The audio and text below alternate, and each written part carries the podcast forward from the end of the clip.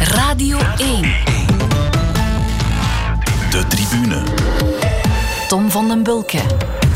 Goedenavond en welkom in de tribune waar we het komende uur de sportactualiteit gaan bespreken. En dat doen we naar goede gewoonte met twee gasten. Goedenavond Dries Bervoet. Goedenavond. Politiek journalist bij De Tijd met veel interesse voor sport. En goedenavond ook Tom Boudeweel. Dag Tommy. Voetbaljournalist bij Sportza met veel interesse voor politiek, ging ik bijna zeggen, maar... Oeh, nee, helemaal niet. Nee, dacht het Jammer genoeg dat, niet, eh, maar ja. Nog wel meevalt. In elk geval bedankt om hier te zijn, Tom, want ik heb je pas enkele uren geleden eigenlijk gevraagd of je kon komen. Je bent eh, hier als eh, invaller, als de Dries Mertens van eh, Sportza, zeg maar. en voor wie je dan wel ingevallen bent, wel, eh, daar gaan we het straks over hebben, stel ik voor. We beginnen met jullie momenten van de week. En Dries, hier komt eerst dat van jou. Het komt uit de Amerikaanse basketbalcompetitie. Um, the decision was uh, was pretty much, if we're just being honest, it was it was my decision in the morning to to not play. Um, you know, I just felt uh, disgusted. Uh, I felt like things needed to be changed. I was tired of all the killing, uh, the injustice, and things like that. And uh, every guy in our locker room uh, stood by my side and said, if if my if my brother isn't playing, then we aren't playing. And uh, to see how it trickled down into every sport, it it really woke the world up and let them know that you know we're serious. We we need change. We need more love in the in the world. And try to make it a better place. Ja, hier moet een beetje uitleg bij natuurlijk. We hoorden George Hill, speler van de Milwaukee Bucks. De man die het initiatief nam vorige week, waardoor de NBA-spelers in staking gegaan zijn eh, uit protest tegen het politiegeweld. Zo is het, hè? Ja, klopt. Ehm, maar ik kies dit fragment eigenlijk om een andere reden. Ehm, de Black Lives Matter beweging en waarom ze het gedaan hebben, heeft natuurlijk eh, ook ons bereikt. Dus de meeste mensen weten wel, denk ik, waar het over gaat. Maar ik wil eigenlijk de link leggen met het wielrennen. Omdat eh, het Amerikaanse sportmodel is vreemd genoeg. Je zou het niet zeggen, het is heel kapitalistisch, kapitalistisch heel commercieel, maar tegelijk ook zeer ehm, in een zekere zin socialistisch, omdat de speler, het is een player-driven sport, zoals men dat zegt.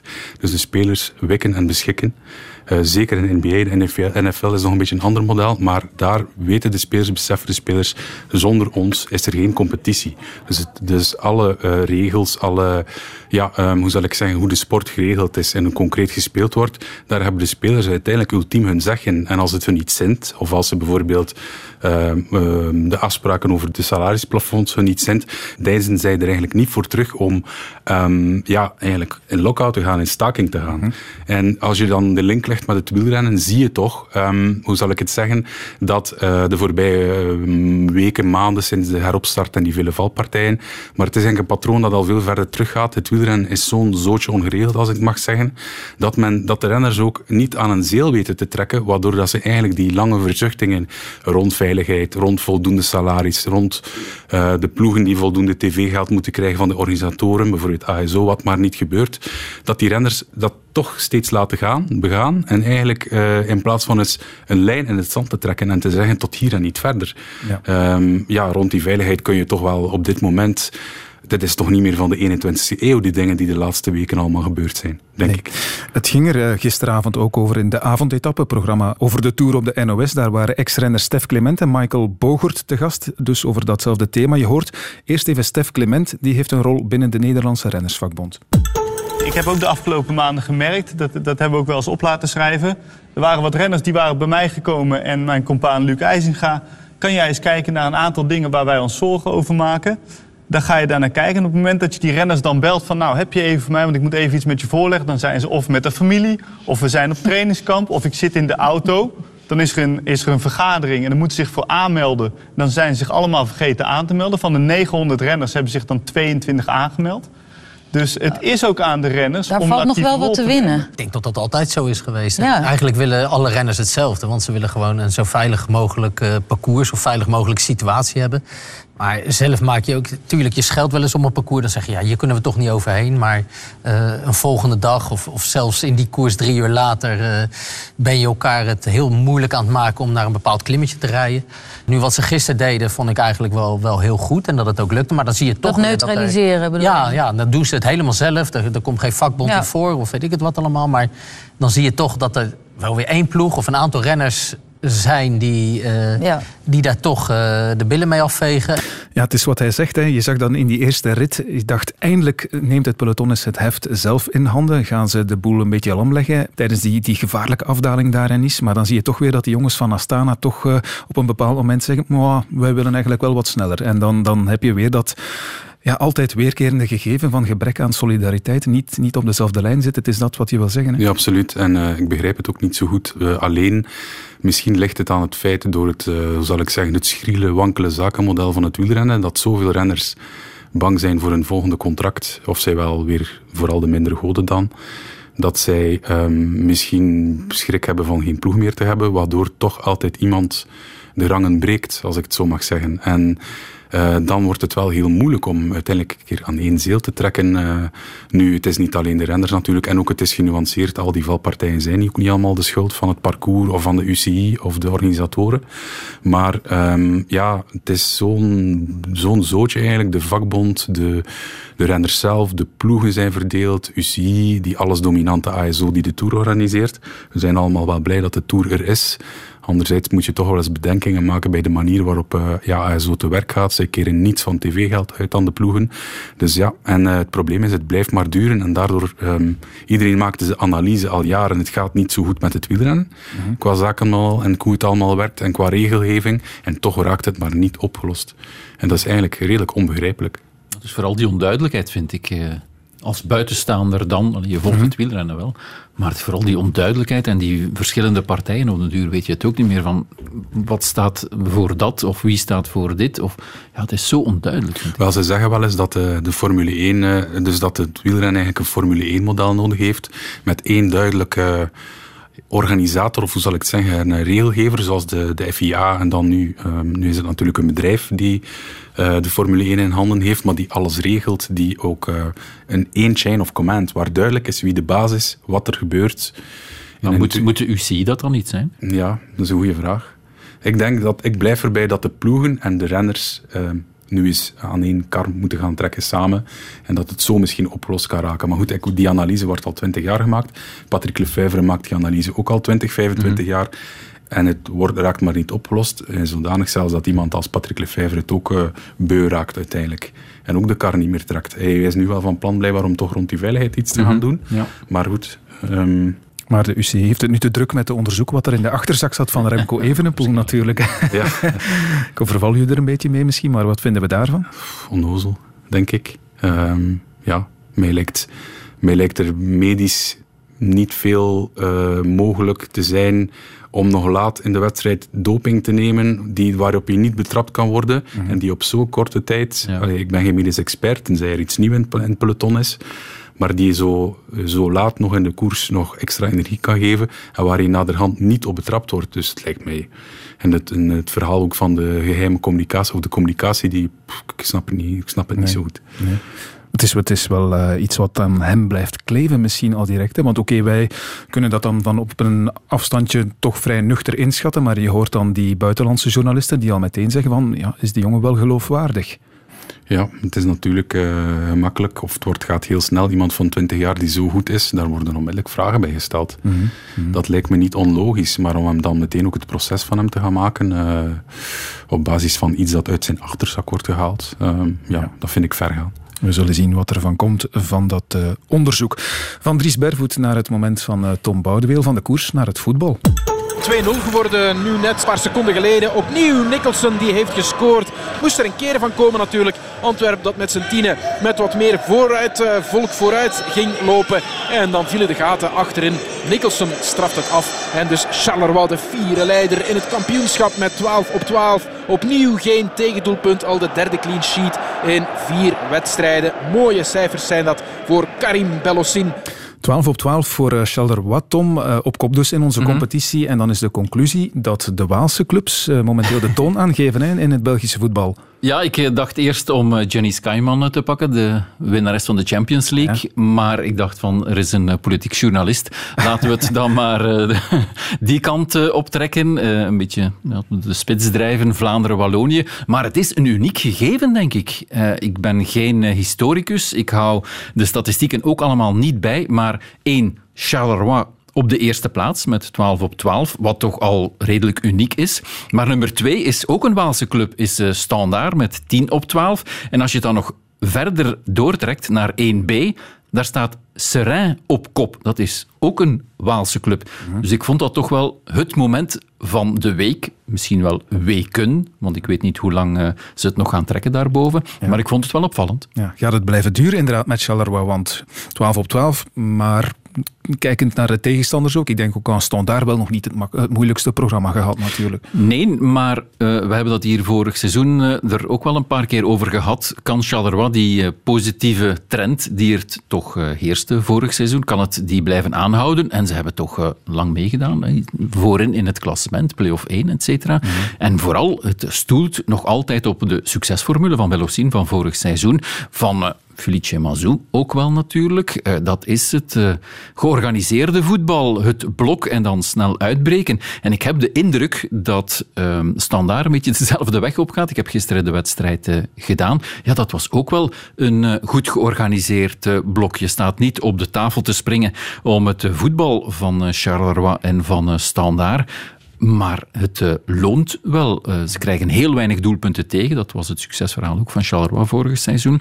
En ja, ze maken de doelpunten. En dat zijn vaak de doelpunten van de beslissing. En terwijl je in het buitenland het uh, volgaas voetbal meer en meer ziet opduiken, ja, gaan we toch weer naar het Belgische old school voetbal van alles afblokken en proberen dan maar door te geraken. Ja, dus de Waalse clubs geven de toon aan. Er is er wel eentje die dan uh, uit de boot valt, of uit de toon valt, zo moet ik het eigenlijk zeggen. Moes Kroen, misschien is dat weer meer jouw uh, winkel, Dries, uh, na wat we vorige week alweer gelezen hebben over de club. Dat is dicht bij Vlaanderen. ja.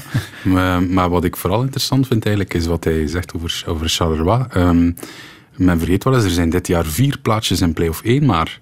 En als je rekent dat uh, de nieuwkomers Charleroi en Antwerp zouden wel eens uh, play-off 1 kunnen halen, dan zijn er nog twee plaatsjes over. Ja, maar dat hebben, we, G5. dat hebben we vorig jaar ook gezegd in uh, het verhaal van Anderlecht. Komt Anderlecht nog bij de top 6? Ja, mhm. je moet ze wel inhalen. En ja, wat is het? voor sommigen, het zijn geen 12 punten, maar toch 9 punten bijvoorbeeld op agent. Ja, haal het maar in. Hè. Mm Club Brugge, um, gewonnen op Genk. Staan die binnenkort ook weer gewoon aan de top van het klassement? Of ja, is het nog een beetje te vroeg om te zeggen dat de heropstanding eh, ingezet is? Ik weet het niet. De waan van de dag, de waan van de speeldag soms ook. Wel, laten we er gewoon een spreekwoord uh, bij halen. Eén zwaluw maakt de lente niet, ja. zou ik zeggen. Um, ik ben geen krantenjournalist die elke dag, elke week er moet over schrijven. Ik moet niet elke week mijn mening geven, maar ik bekijk het een beetje als een voetbaltrainer die verdeelt de competitie ook altijd in blokken van drie wedstrijden, van vijf wedstrijden. Uh, die zeggen dan, we willen 10 op 15 halen in dat blokje. Wel, ik uh, wil het toch ook wel in blokken bekijken. In, uh, of tegen Eupen was het ook plots uh, Hosanna, waren ze vertrokken. Mm -hmm. Maar de week daarachter was het toch uh, al een pak minder, thuis tegen Beerschot. Dus nu was het, de eerste helft was supergoed, echt wel. maar je moet er ook bij zeggen, één, dat Racing Genk redelijk open speelde. En dat waren de tegenstanders, hebben de tegenstanders niet gedaan de voorbije weken. Plus, um, Club Brugge heeft ook wel een uh, groot verval gehad in de tweede helft. Dus de vraag is, ja, wanneer kunnen ze het uh, 90 minuten volhouden? Um, waarschijnlijk denk ik, ik probeer mhm. maar wat de theorieën te bedenken. Ze hebben niet stilgelegen um, tijdens de lockdown. We hebben de filmpjes van de fietsen, et cetera, hebben we gezien. Ze moesten zich bezighouden. Misschien hebben ze te weinig rust gehad. Misschien bouwen ze nu op naar half oktober, wanneer eh, de Champions League er aankomt. Dus dat zijn theorieën die ik nu zomaar eh, uit de losse pols uh, rondschud. En het belangrijkste zal zijn, komt er nog iemand bij? Want mij hebben ze altijd verteld dat je toch een uh, bepaalde prikkel moet geven in een nieuwe groep bij het begin van het uh, nieuwe seizoen, zeker na een titel. En dat is voorlopig nog niet gebeurd. Bovendien is het wachten op vertrekt Dennis, een goede Dennis gisteren helpt wel mee in het uh, goede spel. Vertrekt Diatta, want die zit ook met zijn hoofd in uh, de wolken. Komt Ed Milson dan. Dus dat zijn allemaal onzekere periodes, zeker in corona. Club Brugge heeft niemand op technische werkloosheid gezet, in tegenstelling tot uh, enkele andere teams. Ja. Dus ja, dat speelt ook allemaal mee. Hoe lang is de transfermarkt nu weer open? Tot begin oktober. begin dus, oktober, dus, dus dat zijn uh, nog wel een uh, aantal weken. Hè? Voilà, het is dat. En er zijn 18 ploegen, dus tegen dat we aan de, de play-offs beginnen, zal er al veel gebeurd zijn. Oké, okay, maar de Waalse clubs aan de top, dat voilà. was uh, jouw moment van de week. De tribune. En we blijven nog even bij het Belgische voetbal. Ik kom uh, bij deze terug op die invalbeurt van jou, Tom. Want normaal gezien was Tim Matthijs onze gast geweest. Uh, kennen we als uh, ex-voetballer van onder meer A-agent en KV Mechelen. Een grote koersliefhebber ook. Dus met hem zouden we ook wel over de Tour gepraat hebben. Maar kijk, plots werd Tim teruggefloten in de loop van de namiddag. En dat had vooral te maken met de persconferentie, denk ik toch wel, van gisteravond na A-agent KV Mechelen. Want Tim Matthijs is momenteel in dienst bij A-agent als scout. Everybody have bad feeling about our game. We are playing not like real Ghent. It's uh, difficult for uh, our group because we must to play like one of the best team in Belgium. And now we play like a team from uh, second division. Il a quelque chose à dire pour qu'il vienne me dire moi. I think we will have problem if we will play this game in Champions League big problem. Première chose, euh, s'il n'est pas content, euh, il va choisir un autre club et, et puis c'est tout. We don't have long time with this coach, so we don't uh, we don't uh, understand little bit our system, our tactic. Just uh, we play too much defensive.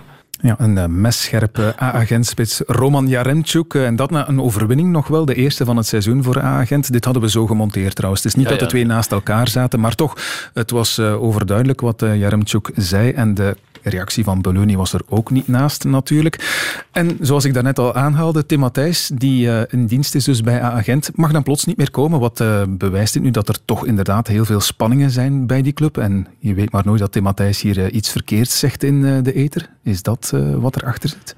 dat denk ik wel. Mocht ik communicatieverantwoordelijke zijn van A-agent, zou ik het toch ook niet zo graag hebben dat uh, iemand, ja, toch een van de belangrijkste mensen in uh, het aanwerven van spelers, want hij is uh, hoofdscouting, mm -hmm. dat die dan eventjes daags na ja, toch een stevige uithaal, want het was wel mooi gemonteerd en het maakt het nog zwaarder eigenlijk. Mm -hmm. uh, het toont aan hoe zwaar het is, vind ik, die montage. Want je verwacht het gewoon niet van uh, Roman uh, Jaremchuk, omdat ja, dat is een, geen onruststoker, dat is een intelligente man. Mm -hmm. um, emotioneel heeft Michel Louagie deze middag nog uh, gezegd. Ja, maar je hebt dat soms stom. Hè. Spelers komen net van het veld, staan nog te dampen in hun shirt voilà. en, en uh, krijgen een microfoon onder hun neus. Dan nog krijg dat je meestal clichés, maar dit was zeker niet het geval, want hij zat op de persconferentie, was al netjes gewassen voilà. enzovoort. Wist wat hij ging zeggen, toch? Inderdaad, en dat is het net. hij zit niet in een one-to-one, nee, hij zit vooraan. en volgens mij heeft hij het ook bewust gedaan. Heeft, hij is uh, mentaal niet de sterkste geweest. Want ik denk dat uh, Jaremchuk um, heel vaak, heeft hij ook zelf al aangegeven, heel vaak gewerkt heeft met de Eva Maanhout van uh, Maanhout en Perkie, die uh -huh. tot haar zwangerschap en tot de geboorte in dienst was van A-agent. Als psycholoog. Als ja. maar plots niet meer moest komen. Dus dat is toch een goed jaar geleden. Um, en uh, ja, misschien heeft zij hem geleerd om niet meer op te kroppen als hij met iets zit, denk ik dan. En dit was nu wel het geval. En ik heb het nog eens beluisterd.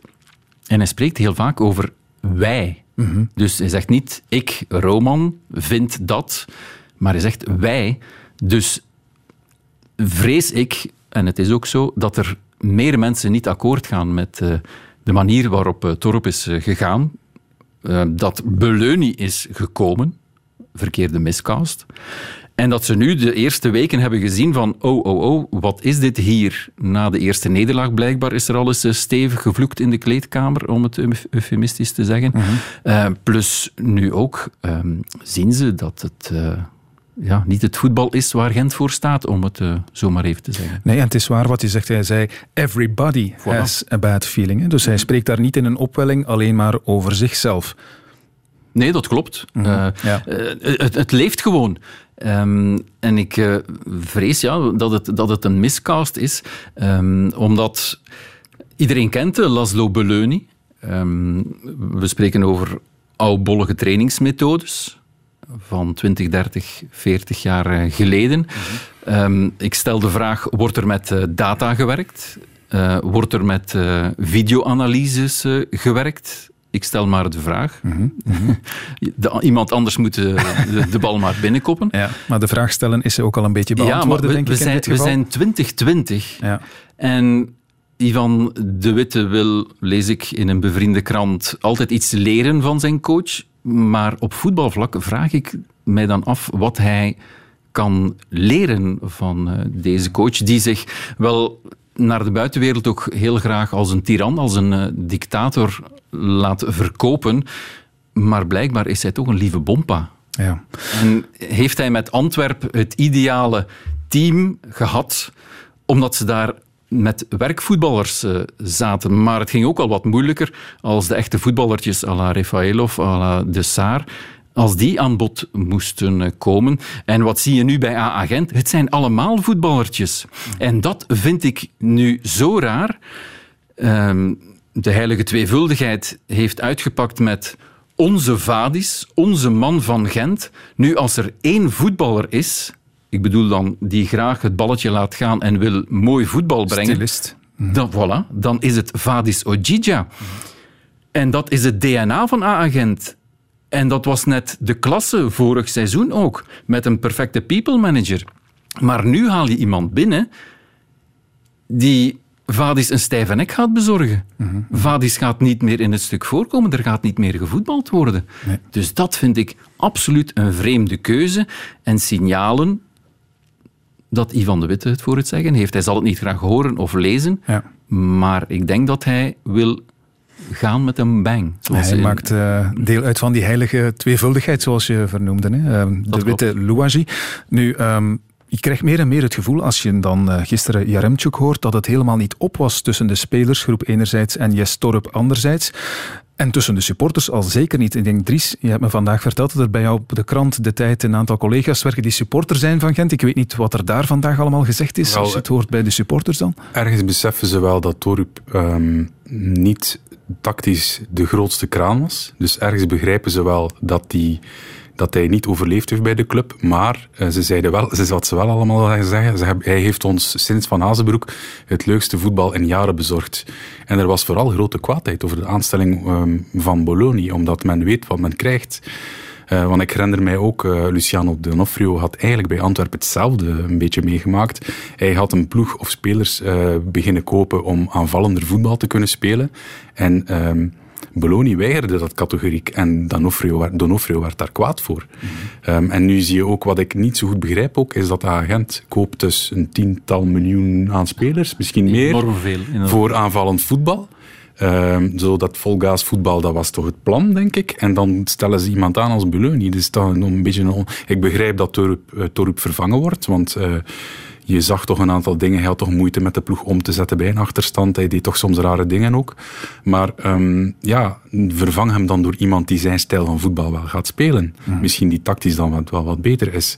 En ik hoor ook dat Bologna niet keuze uh, A en zelfs niet keuze B was. Nee, verkouterer van Haasbroek wordt uh, gezegd. Ja, maar, ja. Dus, uh, maar toch, kies dan een coach die tactisch wil wat, uh, waar je je voor gekocht hebt uiteindelijk, denk ja, ik. want ik vind het heel raar. je kan altijd verder denken. En als je s'nachts wakker ligt, dan kan je wel eens gaan denken van... Wat is de rol eigenlijk van Wim de Dekker in dit verhaal? Mm -hmm. Als je echt heel erover gaat, dan zeg je van... Er is gewoon een paard van Troje erin gezet. De Dekker nu assistentcoach. Ja, ja, ja, maar dat wil ik natuurlijk niet gezegd hebben. Het is maar een gek idee. Maar hij heeft toch met Laszlo Belluni gewerkt. Hij weet ondertussen toch een klein beetje wat het DNA is, waar Gent naartoe wil met al die voetballertjes. Mm -hmm. Dat hij dan niet gezegd heeft van ja, misschien is dat niet de juiste persoon. Of misschien heeft hij gezegd van, oké, ik heb veel te danken aan Beleuni, ik heb er goed mee samengewerkt, want voor, voor alle duidelijkheid, ik heb veel respect voor Beleuni en voor de resultaten die hij toch behaald heeft met Antwerpen, laat dat duidelijk zijn.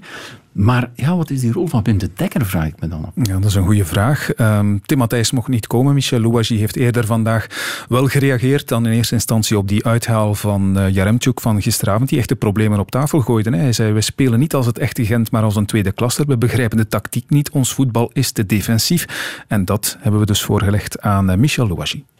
Jaremchuk is een... Uh is een emotionele kerel. Die, die, het is niet de eerste keer, maar het is wel de eerste keer dat hij dat doet in de pers. Maar het is niet de eerste keer dat hij zijn hart lucht in die periode dat hij in Gent is. Uh, maar het is evident dat je dat niet moet doen. Voor de media is dat wel doen, zoals dat de coach zegt. Ja, dan doe je dat binnen kamers. En dan is duidelijk dat een coach ook uh, ja, daar, daar moet op reageren. Uh, U zegt wel, dit is iets wat persoonlijk gewoon bij Jaremchuk leeft? Nee, het is een emotionele kerel en ik ben overtuigd dat hij vandaag al vergeten is. Uh, dat hij de bladzijde zal omdraaien. Als hij daarmee spreekt, dan, dan, dan is dat weg. Ik denk dat uh, ja. ja. sport, uh, dat is elke dag emoties. Ja. Niet alleen in de voetbal en wielrennen en zo. En als je daar lang in zit, dan moet je daar kunnen mee leven. En moet je dat kunnen, ook moet je dat kunnen plaatsen en vergeten. Ja, dat is een beetje de te verwachten reactie, denk ik, agent. ja, probeert het te downsizen, mogen we wel zeggen, op die manier. Maar tot slot, Tom, wat vinden we van de reactie van Beleuni op wat Jaremchuk zei? Het kwam erop neer van, als het hem hier niet bevalt, zoek dan maar een andere club. Ja, dat vind ik wel een typische Beleuni-uitspraak natuurlijk. Want die gaat er af en toe wel eens met de, de voet vooruit in. Maar ik vind het toch een hele rare opmerking. Al zal het misschien ook wel bij Beleuni zijn van... Ja, morgen is een andere dag. Jaremchuk is vertrokken naar Oekraïne. En we gaan verder, denk ik. Oké. Jij nog een slotbedenking? Beloning moet natuurlijk bewijzen dat hij de baas is. Hè, dat hij de enige aap op de rots is. Dus ik vind het wel logisch dat hij dat zegt eigenlijk. Uh, dat de Jaremchuk moet dimmen. Oké, okay, we zullen zien wat er van komt de komende weken. Die interlandbreek komt misschien wel op het gepaste moment. De tribune. Dan van het gekissebis in de Gilamco Arena naar een thema dat de internationale voetbalwereld echt bezighoudt. En dat is de mogelijke transfer van de beste voetballer op deze aardbol. Él ya no quiere jugar más en el Barcelona. Y lo triste es eh, las formas en que se va a producir este desenlace. Se podría haber acabado mejor, pero en el Barcelona normalmente todas las grandes figuras se han ido siempre de mala manera. Schuster, Figo, Maradona, eh, Stoikov, eh, Rivaldo, Ronaldo, todos han acabado muy mal y la lista sigue con Messi. He's from Barcelona, he will stay there. That is my wish. Stay in Barcelona, so I'm not going to talk about the players for the other club. But as, as, someone knows him well, I'm not going to ask you about signing him. I'm going to ask you whether you think he might play for another European side ever, or whether that's just Barcelona. I think he's going to finish his career there. De eerste, een eh, supporter van Barcelona, ziet het somber in. Messi wil hier niet meer spelen, zei hij. En eh, zal net zoals andere grote, zoals eh, Maradona, Rivaldo, Figo, Ronaldo, de club verlaten op een slechte manier. En dan had je, die hoorden we ook, Pep Guardiola, coach van Manchester City. Die denkt dat Messi toch nog zijn carrière zal afsluiten bij Barcelona. Dries, je hebt de hele situatie rond Messi en Barcelona, wat er nu al aan het spelen is sinds vorige week, op de voet gevolgd. Wat is, wat is de situatie op dit moment nu eigenlijk? Uh, Messi wil nog altijd vertrekken, denk ik. Hij heeft ook uh, niet, uh, hij is niet afgekomen op zijn medische testen. Um, de juridische strijd is ook volop bezig hè, rond de zogenaamde clausule in zijn contract. Dat Messi en zijn vader, die ook zijn manager is, zeggen: Ik mag gratis weg omwille van dat er in mijn contract een clausule staat na het einde van de competitie. Als ik aangeef dat ik mag vertrekken, dan wordt die optie gelegd en kan ik gratis de club uit. Barcelona zegt nee, je, hebt, je bent te laat. Dus dan wordt weer de andere clausule uh, van kracht die stelt dat Messi weg kan voor um, een clausule van 700 miljoen euro. Dus uh, we zullen zien hoe het zich afwikkelt. Hè. Maar dat mijn, contract is niet helemaal duidelijk dan? Maar mijn, niet? mijn inschatting is, uh, ik heb daar ook met specialisten over gesproken, um, ze zullen het waarschijnlijk niet op de spits drijven met elkaar. Dus het zou ergens neerkomen dat de inzet voor Barcelona is um, van rond de, de stranden rond 300 miljoen. Dus een soort salaris. Ja. Uh, zijn, zijn een combinatie van een transfersom. Ja. Plus um, ook, ja, Messi krijgt van Barcelona 120 miljoen euro bruto. Of kost Barcelona 120 miljoen euro bruto per jaar aan salaris alleen. Um, dus dat is zonder endorsement, zonder sponsorcontracten, gewoon netto, gewoon salaris. Um, dus die combinatie, dus de balans verlichten met die 100 miljoen of 120 miljoen die eraf gaat, in combinatie met de transfersom, is de inzet ongeveer 300 miljoen. En daarmee zouden ze blijkbaar een deal, bereid zijn een deal te sluiten met een geïnteresseerde club. Oké, okay, dan, dan zit je inderdaad een eind verwijderd van die 700 miljoen euro die, die volgens het contract zou moeten betaald worden. Maar het is nog 300 veel. miljoen, hallo, ja, wie, wie kan dat betalen? Ja. Manchester City, PSG, en dan zijn we misschien al uitgepraat. Of er niet? zijn in principe twee clubs die het zouden kunnen. En dat is Manchester City en Inter. Inter. Die, ja. Inter, eh, want Inter heeft nog marge. ehm, maar zij zullen ook moeten heel voorzichtig omgaan om niet in de problemen te komen met financial fair play. Maar blijkbaar is Inter eigenlijk, als je financieel kijkt, de club die het best geschikt is om eh, het aan te kunnen, is wat ik in het wereldje hoor. Maar goed, eh, wil Messi bij, bij Inter gaan spelen? Dat denk ik niet. Dus PSG en Manchester City eh, zijn dan de twee topkandidaten. Maar gaan die twee clubs die alle twee in de problemen zijn gekomen met eh, financial fair play... eh, City is recent veroordeeld tot wat 30 miljoen euro boete. Gaan zij nog eens de middenvinger opsteken naar de UEFA? Ik denk dat ze daar veel zin in hebben om dat te doen. Maar ja, of dat ze het ook effectief gaan doordrijven. Eh, maar dat zijn wel zowat de twee, drie clubs die het aan kunnen, denk ik. Ja, maar als ik je zo hoor, dan wordt dit eigenlijk wel op financieel vlak alleszins de transfer der transfers dan. Want we hebben oké Neymar gehad in het verleden, we hebben ook Ronaldo gehad van Real Madrid naar eh, Juventus, maar dat kwam dan uiteindelijk nog niet helemaal in de buurt van wat we nu krijgen. Maar ik denk dat er misschien ooit wel nog over zal gegaan worden. Dus ik vind het vooral de transfer der transfers, omwille van de tektonische verschuiving die het betekent. Omdat ik vind nog anders dan Cristiano Ronaldo en, en Real Madrid, vind ik Messi en Barcelona een soort symbiont. Je hebt ze altijd met elkaar, eh, ze zijn altijd met elkaar verbonden. Het zijn like twee wereldmerken die in elkaar geschoven zijn. En dat die nu uit elkaar gaan, vind ik dat ons voetbal betekent gewoon een, een aardverschuiving. Ook symbolisch, vind ik. Ja. Tom, je kunt het je inderdaad haast niet voorstellen. Hè? Messi niet meer bij Barcelona in een ander shirt. Wie had, dit was toch voor het leven? Ja, dat eh, dacht ik ook wel. eh, de iconische sh- shirtjes van, van Barcelona met Messi erop. En wat mij vooral ook bezighoudt, is, is 33, denk ik. Ja. Om dan nog naar de Premier League te gaan. Dat vind ik eh, wel straf. Ook in zijn mindset dan. Hij kan ja, nog evenveel geld verdienen bij Barcelona. Natuurlijk moet een nieuw team gebouwd worden. Maar om dan op je 33ste nog te gaan shotten in de Premier League. Ja. Maar ik denk dat eh, Messi, ehm, los van alle geld, ook stilaan bezig is met zijn erfenis. En dat hij denkt dat hij nog eh, zoveel mogelijk wil winnen. En dat hij ook zelf de inschatting maakt met dit Barcelona zal het een paar jaar duren voor we weer echt competitief zijn. Ook door foute sportieve beslissingen, honderden miljoenen uitbetaald eh, voor spelerstransfers, onder meer Griezmann en Dembélé, die totaal mislukt zijn. Eh, de huidige ploeg is volgens mij, we hebben het in de Champions League gezien, niet klaar om aan de absolute mondiale top weer mee te gaan doen. Dus ik denk dat Messi ook die inschatting maakt. Anderzijds is het ook zo, ik heb het in de krant, eh, de supernova die FC Barcelona verzwolg genoemd. Messi heeft ook een enorme... ehm, het, is het is heel dubbel natuurlijk, maar heeft ook een enorme impact gehad op... eh, Barcelona zelf en de, de, de positie of de situatie waarin de club vandaag verkeert, is, is hij eigenlijk ook de oorzaak van. Ik denk financieel, commercieel, sportief zijn zij zo afhankelijk van hem geworden dat het een beetje ongezond eh, geworden is. Al moet je natuurlijk, ja, het is wel een missie. Hè? Ja. Wil jij de voorzitter zijn die hem de club uitjaagt? Ik denk het niet. Dus het is zo dubbel. De supporters gaan toch eh, bij wijze van spreken gek worden mocht hij straks echt weg zijn. Hè? Ja, en het probleem is. eh, Barcelona is ook een politieke partij. Het is naast een superbedrijf dat tegen het, dat flirt met het miljard omzet. ehm, een van de club, het is een club, en ik vertel daarmee geheimen natuurlijk. eh, de voorzitter wordt verkozen hè, door de meer dan 100.000 socio's. Dus daar is achter de schermen, vertellen mij bronnen mij, een, eh, een enorme oorlog aan de gang waar ook. eh, Messi een rol in speelt richting die voorzittersstoel. Hè. Eh, waar, Ba- waar Bartomeu, de huidige voorzitter, langs alle kanten bestookt wordt, dat hij ook als schuldige wordt gezien. Eh, hij de man is die Messi de club uitjaagt, wat volgens mijn informatie niet klopt. Ehm, dus daar is ook een, een heel schimmenspel achter de schermen eh, bezig. En ik hoor ook wel dat Messi dat zelf ook wat beu is geraakt. Die constante strijd en oorlog en eh, wat daar dan binnen, binnen die club allemaal aan de hand is. Ja, want blijkbaar heeft hij ook wel veel te zeggen binnen die club. Hij heeft mij eens verteld dat hij ja, een soort. Iedereen heeft schrik van hem. Daar komt het eigenlijk op neer. Eh, en dat hij ook. mm, Het, schijnbaar, ik heb het ook in de krant zo opgeschreven. Het lijkt alsof Messi een hele kalme, rustige man is. Die het allemaal niet zoveel kan schelen. En vooral wil spelen en voetballen op het veld. Maar dat schijnt toch niet helemaal te kloppen. Hij schijnt toch ook enorme invloed. t- hij, schijnt, allee, hij heeft enorme invloed in de club, maar gebruikt die macht blijkbaar ook om eh, over spelers, eh, transfers mee zijn ding te doen, om bepaalde coaches. Eh, niet zijn niet tegen te zeggen of, of eh, net te zeggen dat die coach eh, wel mag komen. Uh, dus ook daar hoor ik dat het toch een beetje een ongezonde situatie geworden is. Ja.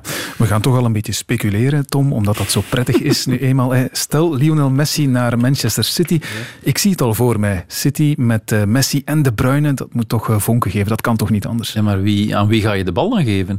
Uh, eerst aan De Bruyne en De Bruyne naar, ja, Messi. De tactiek hebben... is nog nooit zo simpel geweest. Geef de bal aan De Bruyne, die speelt naar Messi maar krijg je dan niet de discussie Hazard-De Bruyne, die we ook ja, altijd hebben gehad? Uh, ja, misschien zie ik het weer te simpel. Ja. City, draait, ja, City draait rond Kevin De Bruyne. Mm -hmm. Iedereen geeft de bal aan Kevin De Bruyne. Ja, aan wie ga je hem dan geven? Aan, aan De Bruyne of Messi? Dan, dus wie gaat het spel bepalen?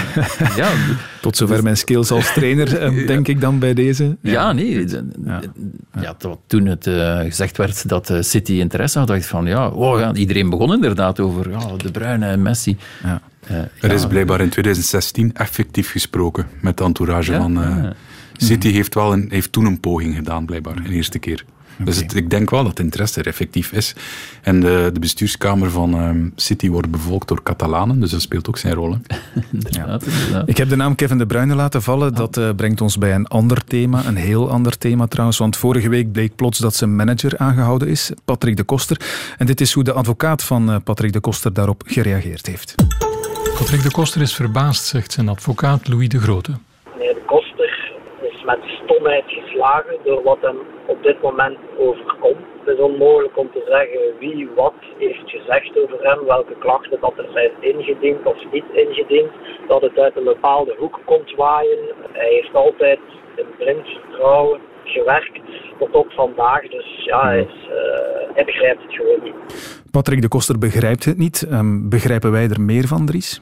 Uh, ja, over de inhoud van het dossier kunnen we natuurlijk nog niet veel zeggen, uh, maar het is duidelijk dat Kevin De Bruyne blijkbaar zelf de klacht heeft ingediend. Waar men eerst dacht dat de vader De Bruyne was, want daarvan was al wel geweten dat hij niet de beste relatie meer had met de koster. Maar um, ja, hoe zal ik het zeggen, achter de schermen is er wel al een aantal jaren een en ander bezig rond Kevin De Bruyne.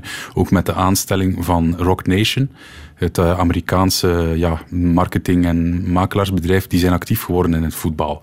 En hun doel is ook echt makelaar te worden omdat de Amerikanen ook gezien hebben hoe interessant die transfermarkt is en hoe uh, vermarkting van voetballers, hoe daar nog veel meer kan, mee kan gebeuren. Een beetje zoals Amerikaanse Hollywoodsterren of zo. Um, en um, de bedoeling was echt wel, toen zij tekenden, om um, De Bruyne ook zijn sportieve belangen te gaan behartigen. Dus daar moet blijkbaar achter de schermen toch wel een en ander gespeeld hebben. Maar ja, uh, als je dan hoort dat blijkbaar dan toch uh, er verdachtmakingen zijn rond ja, fraude en opnieuw het typische witwassen van geldfraude, achteroverdrukken van commissies waar de familie aan Kevin De Bruyne zelf niet op de hoogte van zou zijn, met een nadruk op zou.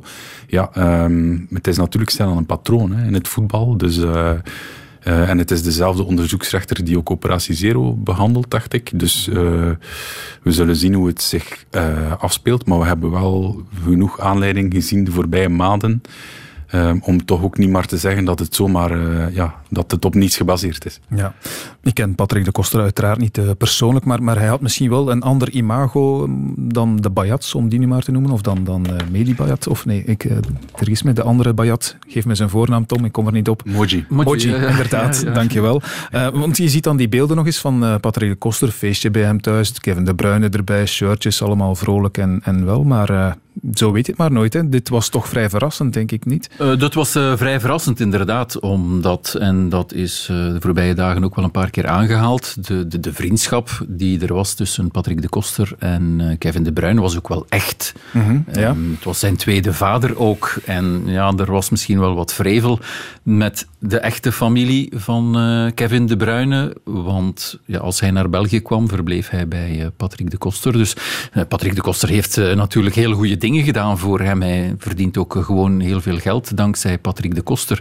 Maar ja, blijkbaar is daar nu toch uh, wat meer geld in omgegaan dan ze bij de hele lieve familie van uh, Kevin de Bruyne hebben gezien. de papa is ook gestopt met werken om zich meer te gaan bezighouden met uh, zijn zoon en vooral met zijn financiën. Want dat is dan vaak zo, ook in onze branche heb ik uh, soms de indruk, mensen die heel creatief bezig zijn, mm -hmm. en dan uh, kijk ik niet alleen in de spiegel, zijn dan minder met de financiële zaken bezig. En politiek dan ook, Dries. Ehm, dus dat is bij Kevin ook. Kevin is ook een stylist, is een artiest, maar ja, is ook minder met zijn uh, financiën bezig. En ik denk, het gaat al een tijdje terug, want het gaat dan over de transfer onder andere naar uh, Wolfsburg bijvoorbeeld. Um, dus ja, ze zijn al een paar jaar daaraan bezig om dat te onderzoeken.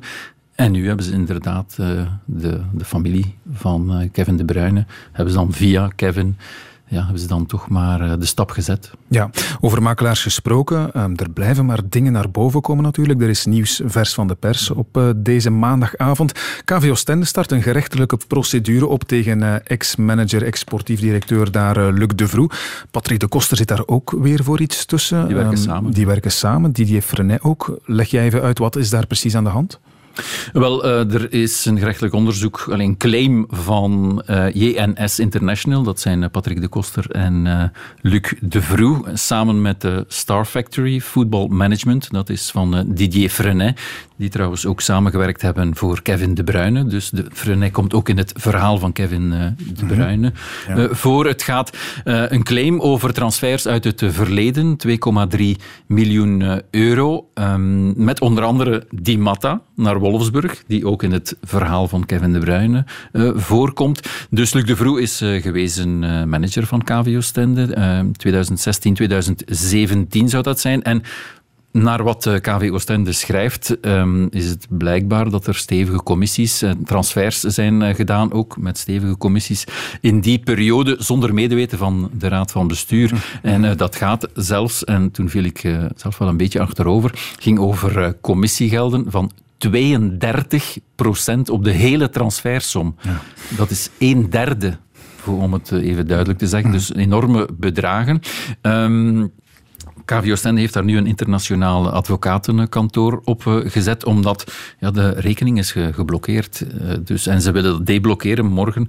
Dus op 1 september komt dat uh, voor. En als reactie heeft KVO Stende nu zelf een, gerechtelijk, een rechtszaak ingespannen tegen Luc de Vroe en tegen zijn eh, bedrijf Hopla. We zullen dit er ook nog maar bij nemen. In alle dossiers die we moeten volgen. Oké, okay, wordt vervolgd zonder twijfel. De tribune. En we vergeten natuurlijk ook de ronde van Frankrijk niet. Vandaag, maandag dus, kregen we de derde rit van Nice naar Sisteron en dat werd een massasprint. En nu komen ze los, nog 400 meter. 400 meter. Op dit ogenblik kunnen we nog niet zeggen wie gaat komen. Maar Nizzolo, de Europese kampioen, die komt door het midden. Nizzolo, Nizzolo. En uh, wie komt daar nu uit? Het is moeilijk om te zien in uh, de zon. Hier komt Nizzolo aan de rechterkant, maar Bennett komt nu nog. Bennett, Bennett komt los. Sam Bennett gaat Bennett zijn eerste overwinning in de ronde van Frankrijk behalen. Hier komt Bennett of Hewitt nog. Het is Ewan die de handen in de lucht steekt. En wat een oerkreet. Wat een oerkreet van Caleb Ewan die de miserie van Lotto Soudal in één sprint wegveegt. Helemaal van tafel. En dan komt hij echt nog wel. We gebruiken het niet zo graag als een duivel uit een doosje. Sam Bennett valt in de laatste meter stil. Maar wat komt hij van een verre achterstand, die Caleb Ewan. Die slalom tussen Jan en Alleman voorbij. Die niet niet solo krijgt een verkoudheid. En dan Ewan, pats, op de streep nog met een halve fietslengte. Dat was Christophe van de Goor vanuit Frankrijk. En omdat hij in België gebleven is, Michel Wuits, hebben hem er nog maar even bij gehaald. Goedenavond, Michel. Caleb Ewan sprint naar de overwinning vandaag als een slang, als het ware. Waar vandaan kwam die ineens nog, zeg? Ik was zeer onder de indruk. Ik heb dit zelden gezien. Het is eh, duidelijk dat het iemand is eh, die zich uit de nood weet te helpen. Laat zich op een kilometer van de streep bewust wat te terugzakken. Doet dat eh, eigenlijk een beetje overmatig, want hij komt vanuit de positie 12. En rolt ze dan allemaal op. Vooral zijn laatste 100 meter zijn indrukwekkend. Indrukwekkend. Een slalom-specialist, een sidderslang. En Bennett afmaken. Klaar. Ja, zou het inderdaad uh, heel bewust geweest zijn dat hij zich een beetje liet ja. afzakken? Want ik dacht op 800 meter, oei, daar zit hij al in het wiel van uh, Jasper de Buist als enige man nog voor hem. Dat ja. wordt te vroeg. Wel, hij zei het zelf in het interview uh, na afloop. Ik vond dat de kans groot was dat ik te snel met mijn aangezicht in de wind zou moeten gaan trappen. En dan kan ik me maar beter wat laten gaan afzakken en profiteren van het zog van een ander. En volgt dan in grote mate de lijn, de lijn Bennett. Hij verliest die lijn wel dan wel even, maar kan hem dan toch nog schitterend remonteren. Mhm. Ja, dan is hij uh, zonder meer de snelste van het peloton. Dat is nu veel meer gebleken dan in de krachtsprint in de eerste etappe in Nice. Ja, dat weten we van hem. Ik had er toch ja, een beetje voor gevreesd eigenlijk, niet te min, omdat ja, Lotto Soudal zit in de hoek waar de klappen vallen. Als je dan ja, in, een, in een slecht momentum zit, dan, dan kan dat blijven duren. Hè? Maar kijk... Ja, dat is uh, bijzonder sterk, te meer omdat hij zelf kwetsbaar is. Het is niet het type, uh, niet het type van sprinter dat uh, overloopt van zelfvertrouwen. En een sprinter zou dat moeten hebben. vorig jaar wilde het maar niet lukken. En dan is Mark Sergeant, die daar echt een kraan in is, op hem gaan inpraten, dag na dag. En hem letterlijk ingepompt van geduld loont. Je hebt heel veel kwaliteiten en die komen er een dag uit. En dan wint hij de elfde rit. En die scoort hij vroeger. Uh, ik heb het in de uitzending in Prelude uh, gevraagd of genoemd naar nog meer. En ik geloof daarin. Ja, dit is natuurlijk wat Lotto Soudal nodig had, hè, na dat ellendige openingsweekend. Ja, dat uh, mag je wel stellen. Als je je twee kandidaten verliest op uh, etappenwinst uh, op een ander terrein. Gilbert had gisteren misschien een slag kunnen slaan. veel later komen er nog Gilbert-etappes. Dat is nu finaal verleden tijd voor deze Ronde van Frankrijk. Degenkoop moest deze Ronde van Frankrijk gebruiken om weer een stapje hoger op te komen. Dat is door de neus geboord. Dan zit je daar aan tafel. Hè. Dan is het echt herbronnen. En dan heb je een paar figuren nodig die zeggen: Kom jongens, dit mogen we niet toelaten. Hè. We mogen hier niet desolaat zitten te doen. En ik ben ervan overtuigd dat de buist daar ook steeds belangrijker in wordt. Als ik die zijn interviews hoor, dan druipt de zelfzekerheid daarvan af. En dan is dat ook een motivator. Dat, dat proef je. Uh, je ziet ook uh, de manier waarop hij met uh, Ewan naar voren schuift in die stotkilometers. het is een steeds meer belangrijke pion geworden en een steeds groter prof. Ja, met de buist zijn we aan de Belgen toegekomen. Wout van Aert komt vandaag weer niet aan eh, sprinten toe. Trekken we daar conclusies uit? Nee, Nee, nee, nee. Um, hij heeft een goede reflex in de tweede etappe. Als hij uh, beseft van ik moet Dumoulin nu helpen. Overigens, Dumoulin kwam heel snel terug. Dat onthouden we. En uh, ja, vandaag uh, gaat hij tegen de grond. Gelukkig zonder erg. Dan is het alleen maar pech. Het zal erop aankomen om het vertrouwen te behouden. Om zijn werk voor de ploeg te blijven doen. Maar dat gaat niet alle dagen gebeuren. Vandaag hebben ze eigenlijk ook niks moeten opknappen. En dan komt er ook nog wel eens zo'n tussenetappe waar het aan het eind wat hoger oploopt. Ik wil bijvoorbeeld verwijzen naar de aankomst in Priva. Dat is eh, de vijfde rit, dat is eh, overmorgen al. Daar is je bij de kanshebbers. We zijn drie dagen ver. Heb jij al bepaalde conclusies getrokken? Of is het daarvoor De grootste conclusie is dat het peloton beslist over de attractie, over uh, emotie. En als het peloton uh, zegt van we doen met een uh, vroeg voorgeschoteld zware etappe niks, dan gebeurt er niks. Gisteren zijn we op onze honger blijven zitten. Godzijdank was er een Alaphilippe die op bestelling wint. Maar voor de rest hebben we niet veel gezien. En in de eerste etappe ging het alleen, alleen maar om regenval, om gladheid en om helaas zware valpartijen. Um, Ja, dan is het niet anders. Dan neemt men een juiste beslissing door voorzichtigheid in te bouwen. Uh, maar uh, voor mij is de grote conclusie na drie dagen de leiders in het peloton, en noem dat dan maar de manager of de ploegleiders, die beslissen van wat er in een etappe gebeurt. Alle Philippe vorig jaar uh, twee weken in de gele trui. Hoe lang redt hij het dit keer? Um, ik kan daar nu nog weinig over zeggen. Ik kijk met belangstelling uit naar uh, zijn rendement morgen. Aankomst bovenop Porcier Merlet. We hebben daar herinneringen aan, slechte herinneringen wat mij betreft. Want Merckx uh, die kreeg daar uh, op zijn donder in 71. Ik vraag mij nu af, hoe ziet die slotklimmer echt uit? Is die zwaar genoeg om Alaphilippe uit het wiel te rijden? Dus morgen gaan we zien wat hij echt waard is bergop. Als dat goed is, dan zie ik hem nog wel een tijdje stand houden. Maar ik denk, ik denk eerder dat we morgen een overname zullen krijgen. Okay. Maar god, laten we niet voorbarig zijn en laten we uh, toekijken met alweer veel nieuwsgierigheid. Oké, okay, dat zien we morgen en dat horen we ook dan hier op Radio 1. Dankjewel, Michel Wuits. Zonder dank. De tribune. Voilà, Dries, Tom, we hebben uh, vooral over voetbal gepraat uh, met jullie dan eerder in de uitzending, maar zit ik hier ook nog met uh, twee koersliefhebbers? Ja, absoluut. En ik was ik ben al blij dat er Tour is, überhaupt. Want ik dacht niet, uh, toen ik het uh, verslag hoorde over de winst van uh, Caleb Ewan, dacht ik bij mezelf van, goed dat de Tour er is. Want ik dacht niet dat het dit jaar nog zou zijn. Dus, en iedereen heeft het eigenlijk. Hè. Je zag ook gisteren in, Nice, dacht ik dat de mensen totaal zich niets aantrokken van corona. Er was keiveel volk op straat. Dus ook die Fransen willen allemaal naar buiten die Tour kijken ja, het geeft eigenlijk een vorm van normaliteit, denk ik. Een gevoel van normaliteit. Dus die Tour, helpt ook voor een stukje de samenleving genezen, als ik het zo mag zeggen. Dat is wel het grote verschil, Tom, met voetbal, vind ik zelf ook. Als je naar het voetbal zit te kijken in lege stadions, ja, dan ontbreekt er echt iets. Dat is een deel van de beleving die er niet is. Ik moet zeggen, bij de Ronde van Frankrijk nu, ik heb er weinig last van, ook niet met de koersen daarvoor. Nee, omdat ja, in, in, het, in het stadion wordt de sfeer gemaakt natuurlijk rond het eh, terrein. Wij horen het eh, op onze oren, dus dat geeft wel een beetje het, eh, het gevoel dat, dat er publiek is. Maar ja, het, het, het, de Ronde van Vlaanderen met dikke drommen is natuurlijk ook wel fantastisch. Mhm. of Alpe d'Huez oprijden met alleen maar Nederlanders in de bochten is ook wel super. Maar basic is fietsen, hard fietsen en de handen de lucht insteken. Dus ik denk dat daar vooral het, eh, de nadruk ligt op, op het fietsen zelf. De handicap van het wielrennen eh, is voor een keertje zijn voordeel, omdat ze kunnen geen geld verdienen aan mensen die langs het parcours staan of aan het publiek. Mhm. Maar voor een keer heeft het wielrennen het voordeel dat je eigenlijk de kijkervaring is niet anders. En dat is dat is het fantastische aan het wielrennen van nu, denk ik. Want uh, sport in die lege stadions lijkt echt nergens op. Nog nee, altijd dat niet. klopt. ik heb een paar jeugdwielrenwedstrijden uh, gezien. ja. mensen komen gewoon en, en, en slaan een plaatje, wel eens een praatje met, met uh, weliswaar met een mondmasker. Maar, maar dat leeft wel natuurlijk. Oké, de tactische analyse hebben we aan Michel overgelaten daarnet. Zonder dank. Maar toch één vraagje, Tom. Wie wint de Ronde van Frankrijk als speculeren dan toch zo leuk oh, is? Ik weet dat echt. echt geen idee? Geen, enkel idee? Nee, nee. geen idee. Oké, Dries wel, denk ik. Ik ga voor Bernal.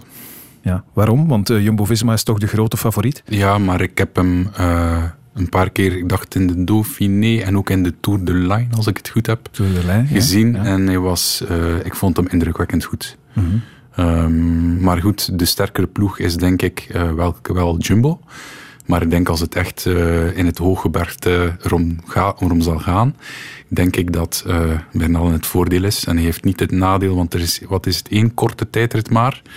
Uh, inderdaad, naar, op de voorlaatste dag. Hè. Een klim, klimtijdrit. En zoals ja. ik het parcours een beetje kan inschatten, het is een soort Vuelta-tour met redelijk korte ritten, maar nogal veel spektakel en veel omhoog rijden. En er zijn eigenlijk tien bijna bergritten, dat je kunt zeggen.